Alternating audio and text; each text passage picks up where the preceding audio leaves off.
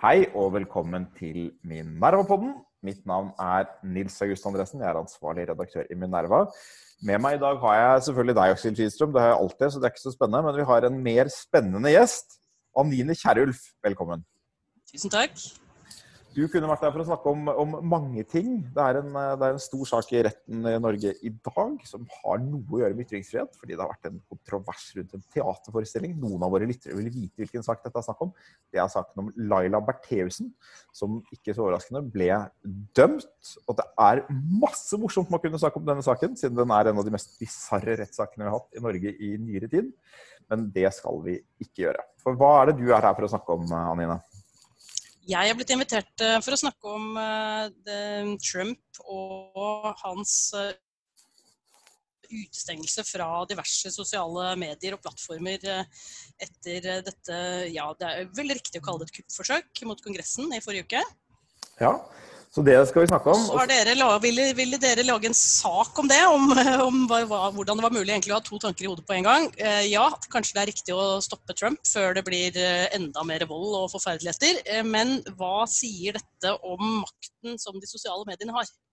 Ja, og det, det, er det vi skal snakke om. Vi begynner å snakke om det, og så skal Aksel og jeg ta en liten prat om, om hele denne Trump-farsen disse fire årene etterpå. Men vi begynner med, med sosiale medier, Anine. For det er jo du snakker om ytringsfrihet og frames som et ytringsfrihetsspørsmål. og Det er jo liksom ditt spesialfelt. Men eh, hva er egentlig lenken mellom dette og ytringsfriheten i klassisk forstand? Det er snakk om et, et, privat selskap som, eller flere private selskaper som ikke ønsker å, eh, å ha Trump hos seg, og, og, har en begrunnelse som, hvor de sier at han har brutt vilkårene for bruk av tjenesten osv.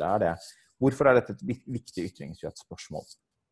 I utgangspunktet er det jo ikke et ytringsfrihetsspørsmål i klassisk forstand i det hele tatt. For dette er private selskaper som tilbyr en tjeneste som vi frivillig eh, går inn på, og godtar da brukervilkårene som disse plattformene eh, sier at vi må følge for å bruke tjenestene deres. Og så håndhever de de vilkårene.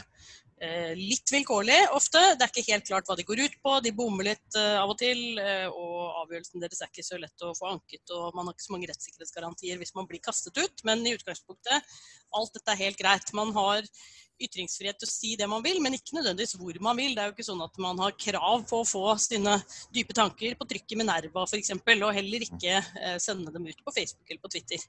Men du mener det at det er en slags forskjell mellom Minerva og Facebook eh, når det gjelder betydning for den globale diskursen. hvorfor det? Eh, det er mer fordi Minerva eh, har såpass gode formuleringer i sitt språk at det ikke er like tilgjengelig for alle. Ja, akkurat. Det, så det er noe med tilgjengelighet. Men, men hva ja. er det som er For du har ment at dette er problematisk. Nå, nå sier du hvorfor det liksom ikke er et klassisk ytringsfrihetsspørsmål. Men hva er det som er problemet? Problemet oppstår fordi de er blitt såpass store at uh, i realiteten så er store deler av offentlighetene våre, som tidligere var ikke bare på gater og torg, da for det er jo en stund siden, men iallfall i redigerte medier, uh, eller på TV-kanaler som de fleste har tilgang til, de er nå flyttet seg inn på disse sosiale plattformene. Eh, politikerne våre bruker masse tid og penger på å være der. Eh, mediene våre eh, følger med der på, for å sette dagsorden for oss. Og bruker også i stor grad disse sosiale mediene selv. Noen har outsourcet sine kommentarfelt f.eks. Sånn I realiteten så er ganske mye av samfunnssamtalen vår flyttet inn på disse plattformene. Det gjør at vi i noen grad må være der, vi også, hvis vi skal følge med på det som skjer. Og da er vi plutselig i en situasjon hvor vi eh, den ytringsfriheten som vi ellers hadde, som staten garanterte at den ikke skulle gripe altfor mye inn i, og i hvert fall ikke helt vilkårlig, og gi oss noen rettssikkerhetsgarantier hvis den gjorde det, den, det har vi ikke lenger. For nå er alt opp til disse selskapene, og da er det veldig mye makt samlet på ganske få hender. De er naturligvis ikke demokratisk valgt, de er jo kommersielle aktører i sin fulle rett til å gjøre det de gjør. Men i realiteten så foretar de da valg om hvilke type ytringer som skal komme frem, og hvilke som ikke skal gjøre det, som har ganske store implikasjoner. Mm. Eh, men hvordan skulle dette da vært regulert? Det høres jo umiddelbart litt eh, Jeg skal snart slippe til Aksel, som har et mer liberalistisk syn.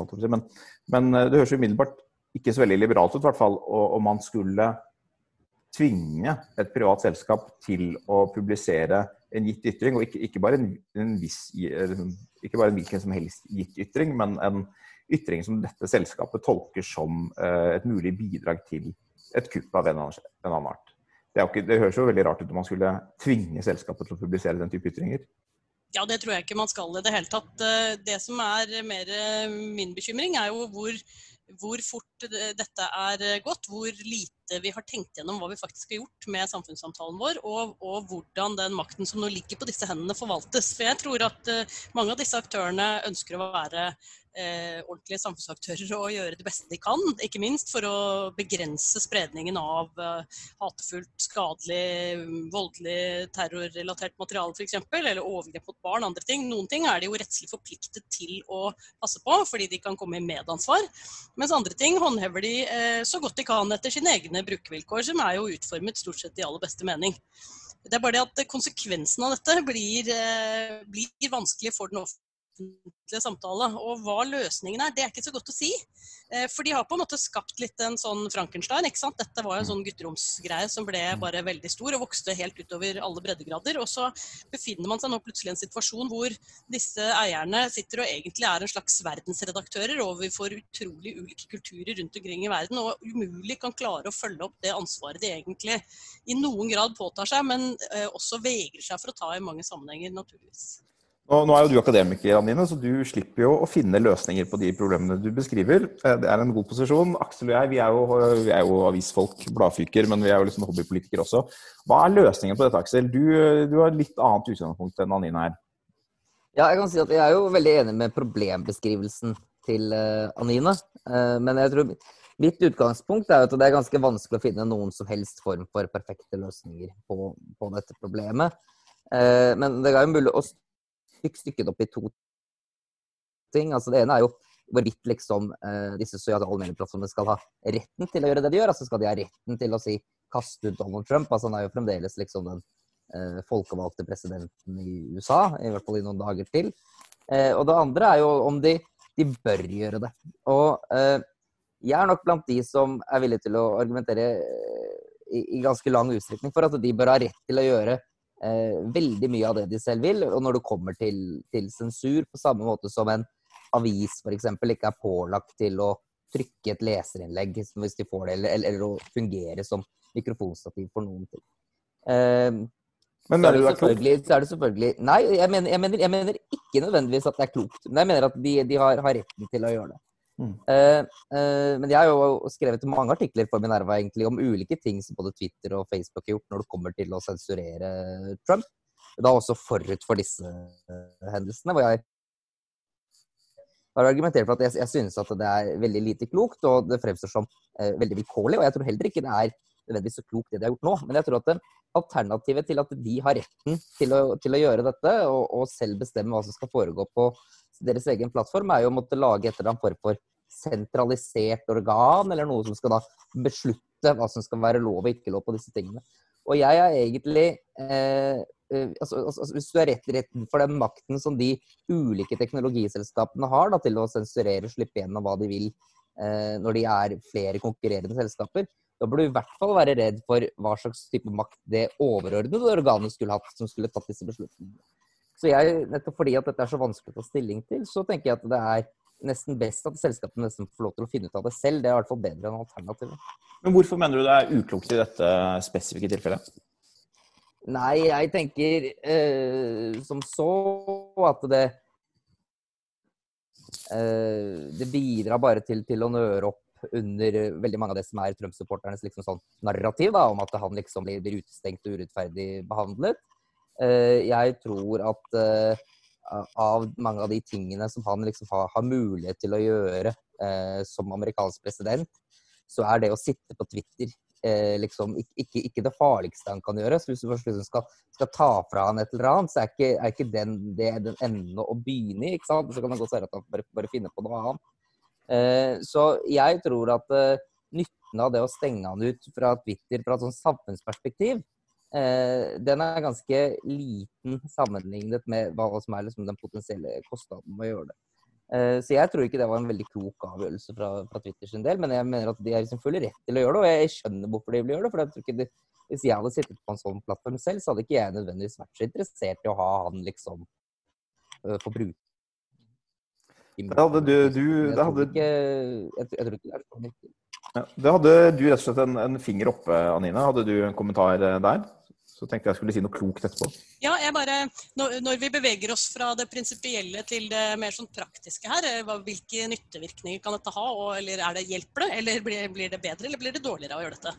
Um, da tenker jeg at eh, det er litt sånn Ole Brumm der òg, tror jeg. fordi jeg tror ikke det er noe tvil om at eh, den, den spredningen som Twitter har gitt eh, Trumps budskap, den har vært helt avgjørende for at han kan kunne bygge opp det som skjedde 6.1. Eh, altså hele den liksom, oppbyggingen gjennom hele presidentperioden, egentlig, og ikke minst denne 'følg med der', eller hva det var det sto i den tweeten i julen, tror jeg har vært direkte ansporende for de tilhengerne som mener at han er den store lederen, på en måte. Um, sånn at det, det har et farepotensial uh, å la han fortsette å være på Twitter uh, de neste dagene også. Og, og, fordelen med å ta den av, det er selvfølgelig at den, den, den samlede, det ene stedet hvor du lett kan finne ut hva den lederen mente, det er blitt borte. Og det gjør at det blir mye mer fragmentert, både disse ganske farlige militiamiljøene i USA, men, men også de litt uh, mer forvirrede konspirasjonsteoretikerne og andre som, som, jo er en del av dette store bildet. Uh, så det tror jeg på en måte er en positiv side ved det, som, eller i hvert fall som kan ha en effekt i, i ja, hva skal vi si, positiv, voldsdempende retning. da. Um, faren ved at det blir mer fragmentert, er jo selvfølgelig at det blir vanskeligere for uh, sikkerhetstjenesten å følge med på, og andre å følge med på. Og også at det gir seg utslag som er vanskeligere å, um, å avverge, fordi det da blir oppfordringer til vold f.eks. i delstatene istedenfor bare i Washington DC. Og uh, man ser på en måte en ganske stor utvikling i den retning. Flytter, disse kreftene flytter seg over på andre plattformer som er enda mindre transparente. Til dels er sånn krypterte tjenester, Eh, der har de for så vidt vært lenge, men, men, mye av det de har holdt med, har jo boblet opp på Twitter. Og det blir jo vanskeligere når også de da blir feid ut av banen. Dere har, eh, dere har på to, hvis jeg forstår det rett, da, Anine, ditt standpunkt er at dette er prinsipielt uheldig, men i praksis kanskje klokt, med noen forbehold. Men Aksel, ditt syn er at dette er prinsipielt heldig, men i praksis uklokt. Ja, ja, det, det er helt riktig. Så vi har eh, det motsatte, det motsatte på, på, på, alle parametere. Ja. Jeg, jeg, velger jo da en sånn halvveisposisjon på begge ståsteder, selvfølgelig. Jeg tenker Det som er litt interessant, er at frem til relativt nylig så var Eh, eller ofte så har debatten, eh, frem til for et år eller to siden, så var det mye av debatten om Twitter, spesielt eh, delvis også Facebook, alt som de tillot, som de ikke burde ha tillatt. Og Som jo er et vanskelig spørsmål også, fordi hvilken, etter hvilken jurisdiksjon burde det ikke vært tillatt. Man kunne jo på en måte være enige om at eh, hvis disse selskapene skulle hatt noe redaktøransvar, så kan de jo ikke slippe gjennom straffbare ytringer. Men hvis det er registrert i USA, hvordan skal dette reguleres? Er, det, er, det, er, ett stort spørsmål. Så det er liksom to reguleringsspørsmål som, dreier, som berører disse plattformene. Den er Eh, hvordan kan man sikre at eh, nasjonale lover for hva som er forbudt, blir opprettholdt? Eller kan man, eller bør man sikre det? Og det er slett ikke sikkert at man verken kan eller bør. Og vi har jo, vi har jo pleid å reagere ikke sant? når eh, Kina eller Russland har en crackdown på, på ytringer i sosiale medier. så, så og, og vi, vi, ser at selskapene er ettergivende, og så syns vi det er helt forferdelig at de oppfører seg som diktatorenes løpegutter. Og så er det spørsmål når vi begynner å sensurere da politiske ytringer i, i Vestland. og Det er det som har skjedd her nå, og det er det Trumps tilhengere opplever. Men hvis man ser det fra, fra, fra, et litt annet perspektiv, altså, da, da, er det andre spørsmålet. Eh, når er det disse selskapene for langt å sensurere noe som kanskje ellers ville vært i en eller annen forstand tillatt? Eh, så, så, er jeg kanskje litt mer på, på Aksels linje at det er, det er vanskelig å se alternativet, selv om jeg ser det på problembeskrivelsen at det er åpenbart det har åpenbart vært en helt enorm endring av hele medielandskapet som vi er nødt til å sette oss ned som samfunn og reflektere over. på en måte. Hva, hva, hva gjør det med oss at disse selskapene har så stor makt? Men eh, frem til nå så jeg mener at Dette med Trump det er ikke et avvik fra hvordan vi har tenkt om det frem til nå. Har, hvis islamister hadde liksom, planlagt til å oppfordre til terror Uh, uten å sammenligne for øvrig, da, men altså til farlige handlinger på Twitter, så ville vi, og har vi, uh, stoppet dem. Og det har ikke vært kontroversielt overhodet. Så hvis man på en måte er enige om beskrivelsen av uh, Trumps Twitter-feed siden 3.11., at den har bidratt til, og har hatt som formål kanskje, å bidra til politisk, politisk, vold, altså vold som har som formål å intimidere og, og endre politisk utfall. Hvis man mener at det er det den har gjort, så, så, er det jo vanskelig å se for seg hvordan Twitter skulle la være å gjøre dette. Og noen har, mange, særlig på høyresiden, har reagert på sånn ja, men hvorfor lar man uh, iranske ledere og kinesiske ledere være på, på, Twitter? De er jo enda grusommere. Og Det er jo sant at de er grusommere, men det det er, ikke, det er ikke, nødvendig der, det er ikke nødvendigvis sånn at deres konkrete tvitring eh, bidrar til eh, den type vold. Det kan bidra til andre typer uheldige utvalg, selvfølgelig, men det er, ikke, det er ikke åpenbart. Og jeg så mange reagerte på, på at eh, disse to tweetene av alle Trumps eh, hundretusenvis av tweeter, så er det liksom to litt uskyldige tweeter man reagerte på. Men Twitters begrunnelse var jo at uh, gitt konteksten for disse tweetene, og, og, det de leste eh, både ellers på Twitter og i andre sosiale medier, så så man umiddelbart veldig raskt at disse tweetene ble eh, tolket av Trumps tilhengere som budskap knyttet til nye aksjoner. Så det var jo, Han skrev jeg kommer ikke til å være på innsettelsen av Biden. Og det ble umiddelbart tolket som det betyr at det er et, et trygt mål for bomber eller andre ting, for Trump ikke være til stede. Og Så kan man diskutere om det var hans formål, og men at det hadde den funksjonen, var noe som umiddelbart ble, ble tydelig i sosiale medier. Og, og, at noen av disse tweetene har hatt som formål å oppføre til politisk vold, det er for meg ganske klart. hvert. Det, som, sånn sett så er det ikke prinsipielt uheldig at Twitter uh, sier dette vil ikke vi være med på. Men, men det aktualiserer jo det spørsmålet uh, hva har det å si at, at de store aktørene har denne makten? Jeg er nok allikevel ikke helt enig i at disse aktørene liksom er fullt ut ennå uh, liksom infrastrukturen i ytringsrommet. Og det har vi jo sett litt på det siden. Masse, alle republikanere som har stått på TV og sagt at nå er vi kneblet. Uh, og det er lett å glemme av og til at fortsatt så er det, er det mange andre medier som tross alt er med å sette dagsorden. Uh, og selv om veldig mange av oss bruker jo Twitter og Facebook til å innhente medial informasjon, men det vi innhenter er allikevel andre medier, hvor Trump selvfølgelig har fri tilgang som president. Redigerte medier. Men der redigeres det på forhånd. Så jeg, jeg, liksom, eh, jeg, jeg, jeg syns ikke dette er så problematisk i seg selv. Jeg, jeg, skjønner at halvparten av amerikanerne syns det, for de, opplever at Trump ikke har gjort noe galt osv. Og, og da er det jo selvfølgelig grusom sensur. Men fra et prinsipielt standpunkt er det ikke så forferdelig uheldig. Men men det bare peker på at Twitter og Facebook spesielt har fått en makt som ingen hadde forutsett for ti år siden. Uh, og det må vi liksom sette oss ned, ikke bare i Norge, men som samfunn, uh, i hvert fall som vestlig samfunn, EU og USA, og tenke gjennom hvordan i all verden skal vi forholde oss til dette her. Fordi man må tenke nytt om uh, både om hele medielandskapet og i noen grad om hvordan vi har tenkt om en del av ytringsfrihetsbegrepene som vi bruker. Anina? Ja, jeg er enig i mye av det du har sagt. Jeg tror kanskje at uh, si, våre medievaner uh, ikke nødvendigvis er helt representative. Det er uh, undersøkelser som viser at det er en god del mennesker som Eh, nesten utelukkende får sin uh, informasjon om verden rundt seg gjennom sosiale medier. sånn at det er nok ikke alle som supplerer det med andre ting. Så, jeg tror, uh, men jeg tror vi er enige egentlig om at de har betydelig makt. Det som var jo interessant i forlengelsen av denne Trump-utestengelsen fra Twitter, var jo at det skjedde jo ikke bare der, det skjedde jo på veldig mange plattformer. Og, og plutselig det ble jo en sånn masseflukt av, av folk som da dro til andre medier isteden, som var hadde kanskje mindre sånne moderasjonsregler enn det Facebook og Twitter har for innhold.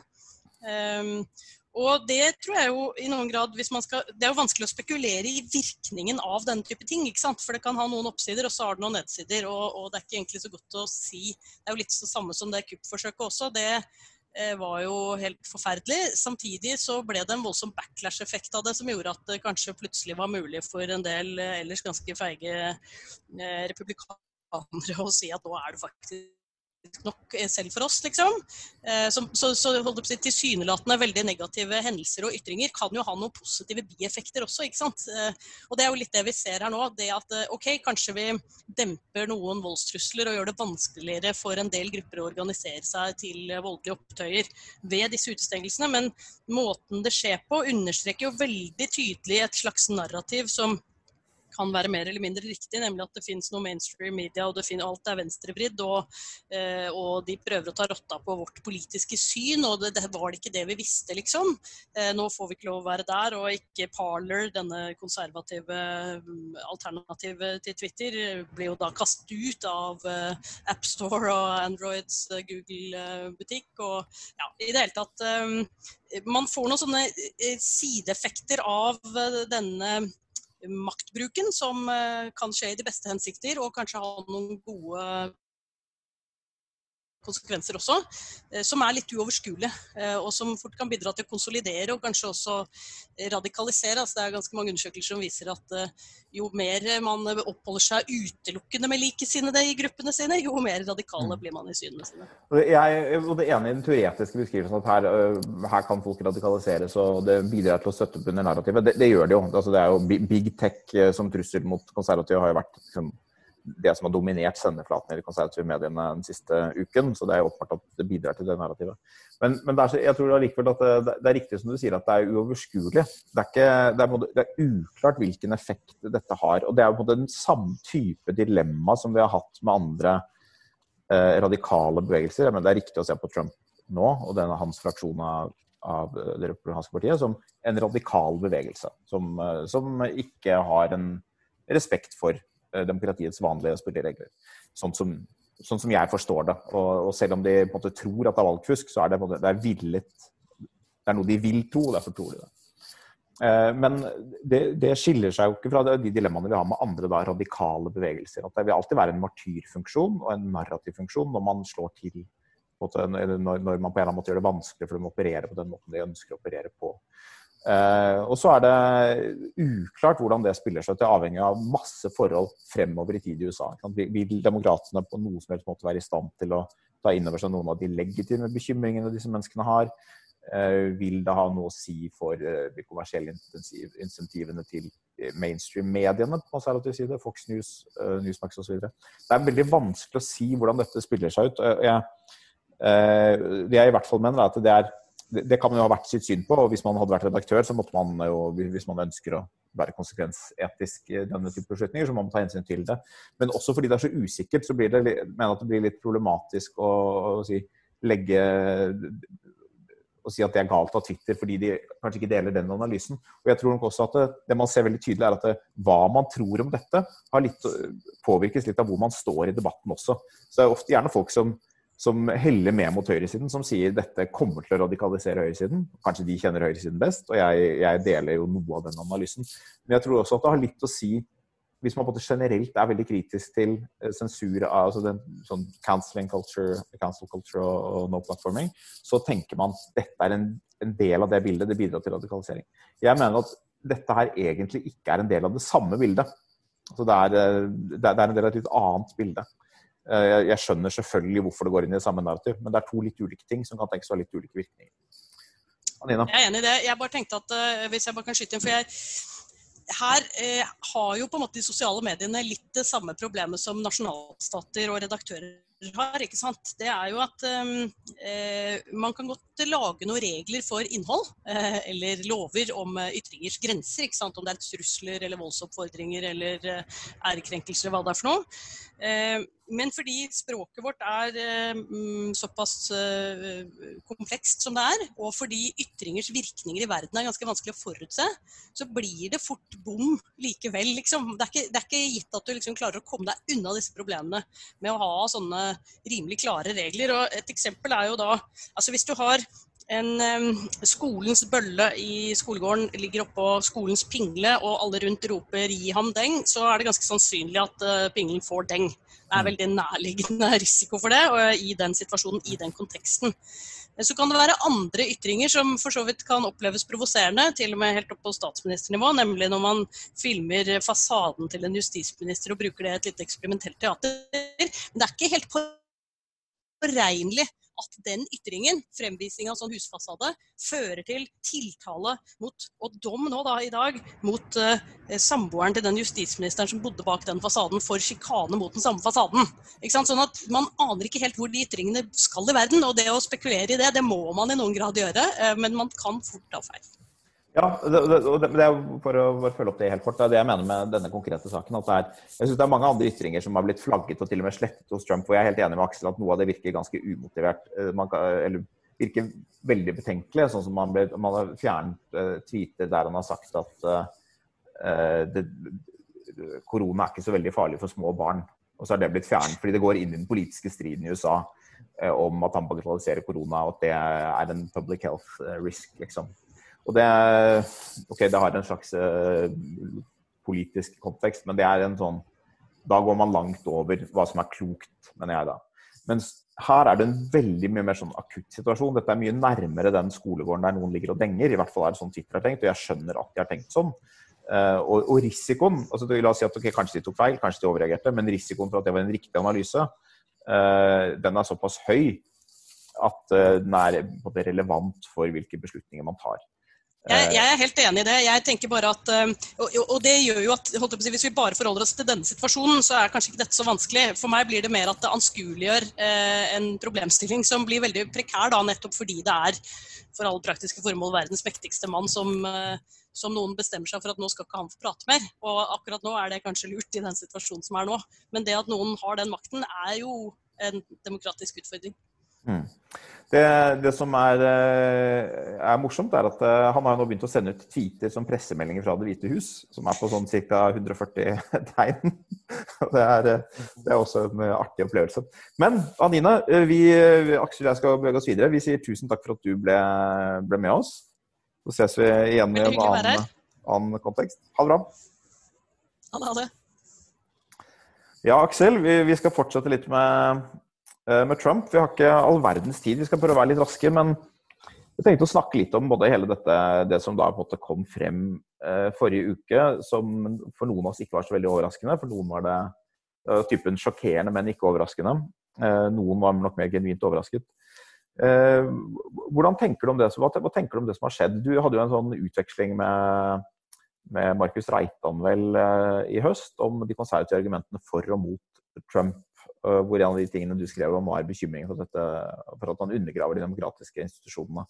Hva, hva, tenker du om den utvekslingen, og, og, hvordan Trump har blitt sett på i en del konservative miljøer etter det vi nå har sett? Nei, altså, jeg mener jo at dette var omtrent som, som ventet.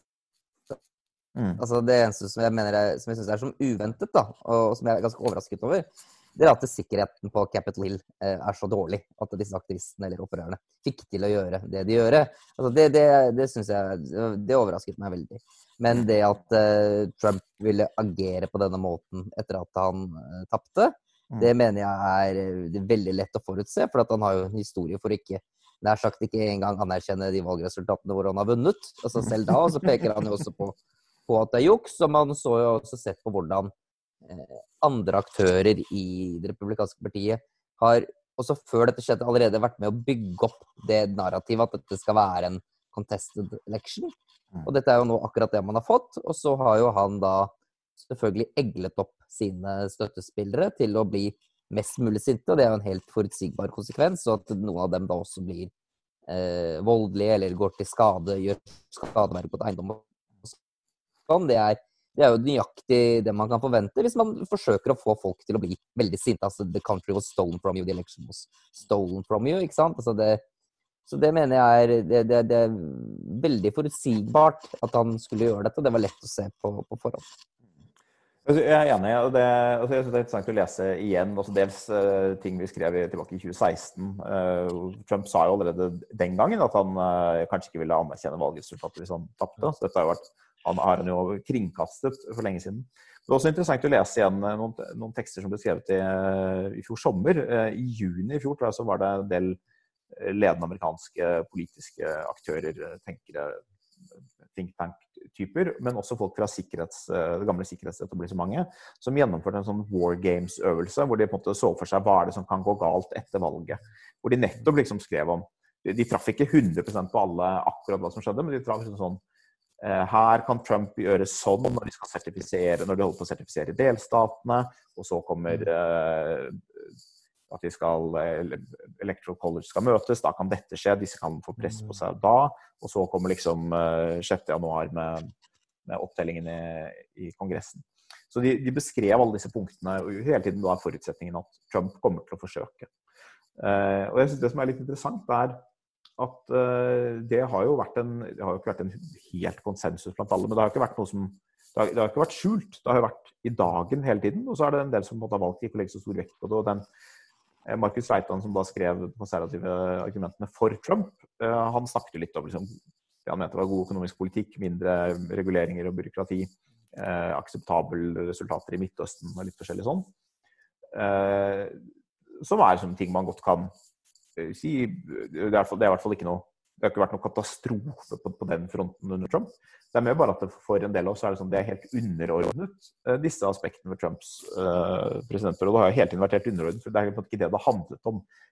Trump-trusselen var liksom aldri at han skulle bygge en mur mot Mexico, var alltid at han skulle undergrave demokratiet. det er klart han har fått kritikk fra, fra, fra venstresiden har fått kritikk for, for både skattekutt og, og mur mot Mexico, men det er ikke liksom det som er kjernen i fenomenet Trump at han er en fyr som kutter skatter og, og bygger murer. Det er at han undergraver alle normer som liksom er, er poenget med ham. da. Det syns jeg har vært litt skuffende å se en del konservative som har uh, enten bare liksom ikke forholdt seg til det, eller at man både har sett det, men at man kanskje har tatt litt lett på det. At man har tenkt at uh, institusjonene holder, det går bra, det er ikke noe Ja, han er en galning, liksom, men uh, det går seg vel til på et eller annet vis. Det har, det har, vært et ganske vanlig standpunkt at man har tenkt at han er så uplanmessig og så uh, amatørmessig i en viss forstand at det ikke egentlig er farlig. Men det dette her har vist, og som egentlig hele hans periode har vist, er at han har et grep som, som det er vanskelig for oss å forstå ordentlig, om sine tilhengere, som gjør at han eh, kommer unna med helt vanvittig mye. Uh, mm. og, og, er i stand til å påvirke hendelsesforløp, ikke minst da gjennom Twitter, veldig kraftig til sin egen fordel, fordi Eh, de, de institusjonelle barrierene som i hovedsak skal, eh, skal stoppe om, de fungerer ikke. Mm, Republikanerne i Kongressen de fungerer ikke som en brems. Veldig mange av delstatspartiene er blitt helt uh, overtatt av trumpister. Så det som har fungert, har jo vært sånn altså disse valg uh, altså officials, valg menn, ja, har ikke noe godt norsk ord i øyeblikket, men, men, de som eh, sertifiserer valgene, de som Valgfunksjonærer. Valgfunksjonærer, takk. Ja, ja. Eh, de har jo fungert, og domstolen har fungert. Men det har jo av og til vært litt sånn på håret. Sånn som i Michigan så var det en av de republikanerne som satt i dette helt liksom formelle bordet som bare skal Formelle styret som valgstyret, som skal bare si det stemmer at alle de ulike countiesene i Michigan har eller Wisconsin har uh, sertifisert. Uh, da er det sertifisert.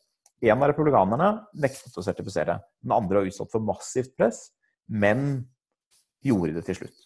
Hvis han ikke hadde gjort det, så hadde det blitt 2-2, og så hadde det vært liksom en liten institusjonell krise hvor det måtte til i domstolene og liksom en ny runde der. Og litt det samme hadde jo Georgia med, med et enormt press mot uh, Secretary of State, Raffensperger og, og liksom den type ting. Så det er det er sånn, det er enkeltpersoner, uh, sammen med Mike Pence, ut, utsatt for et enormt press. Man kan diskutere hva hadde, hadde hatt noe å si om man hadde nektet å telle stemmer. Ville ikke blitt overprøvd av domstolene. Det hadde jo skapt et kaos som en person som Trump ville kunne brukt. Da. Så det er liksom det er På noen få punkter så har noen enkeltindivider akkurat holdt skansen. Men hvis Trump hadde holdt på i fire år til og erstattet en del av disse menneskene tvert med, med lojalister, så er det ikke sikkert liksom, at institusjonene hadde holdt uh, en gang til. Det kan man jo ikke vite, men jeg syns jo på sett og vis at det amerikanske demokratiet også demonstrerer litt styrke, da. Ikke sant? Altså, Trump er jo åpenbart en, en statsleder med et antidemokratisk sinnelag. Men det ser jo ut som et demokrati, det amerikanske demokratiet, i hvert fall denne gangen, altså vil, vil klare å spytte han ut igjen, da. Selv om det vil være veldig Selv om jeg tror at de langsiktige skadevirkningene av dette vil være veldig store uansett. Fordi at uh, nå har han jo Han holder jo fremdeles på basen sin. altså Han tar, virker ikke som han mister noe særlig approval rating på det som nå har skjedd.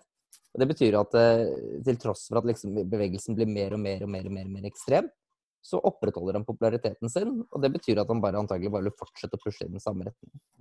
Og så har gått litt, litt grann ned, det har gått på approval rating, men det fra 42 til 35, liksom. Så det er jo det er veldig dramatisk. Eh, jeg har jo et lite håp om at når han er ute av makten, så, borte fra makten, så forsvinner noe av appellen med en sånn jeg vinner og vinner og vinner. You're going to be so tired of winning. Altså På et eller annet punkt så mister det liksom sin trollbindende kraft. Kan man håpe. Eh, men eh, det får vi ikke vite på en stund. Men jeg tror vi skal si at vi er ferdige for i dag, Aksel, og ønsker våre lyttere god helg. Før dere gjør det, så kan dere vurdere om dere vil vippse en slant til Medhuset Minerva hvis dere liker å høre på denne podkasten. Og ellers får dere kose dere videre. Ha det godt. Ja.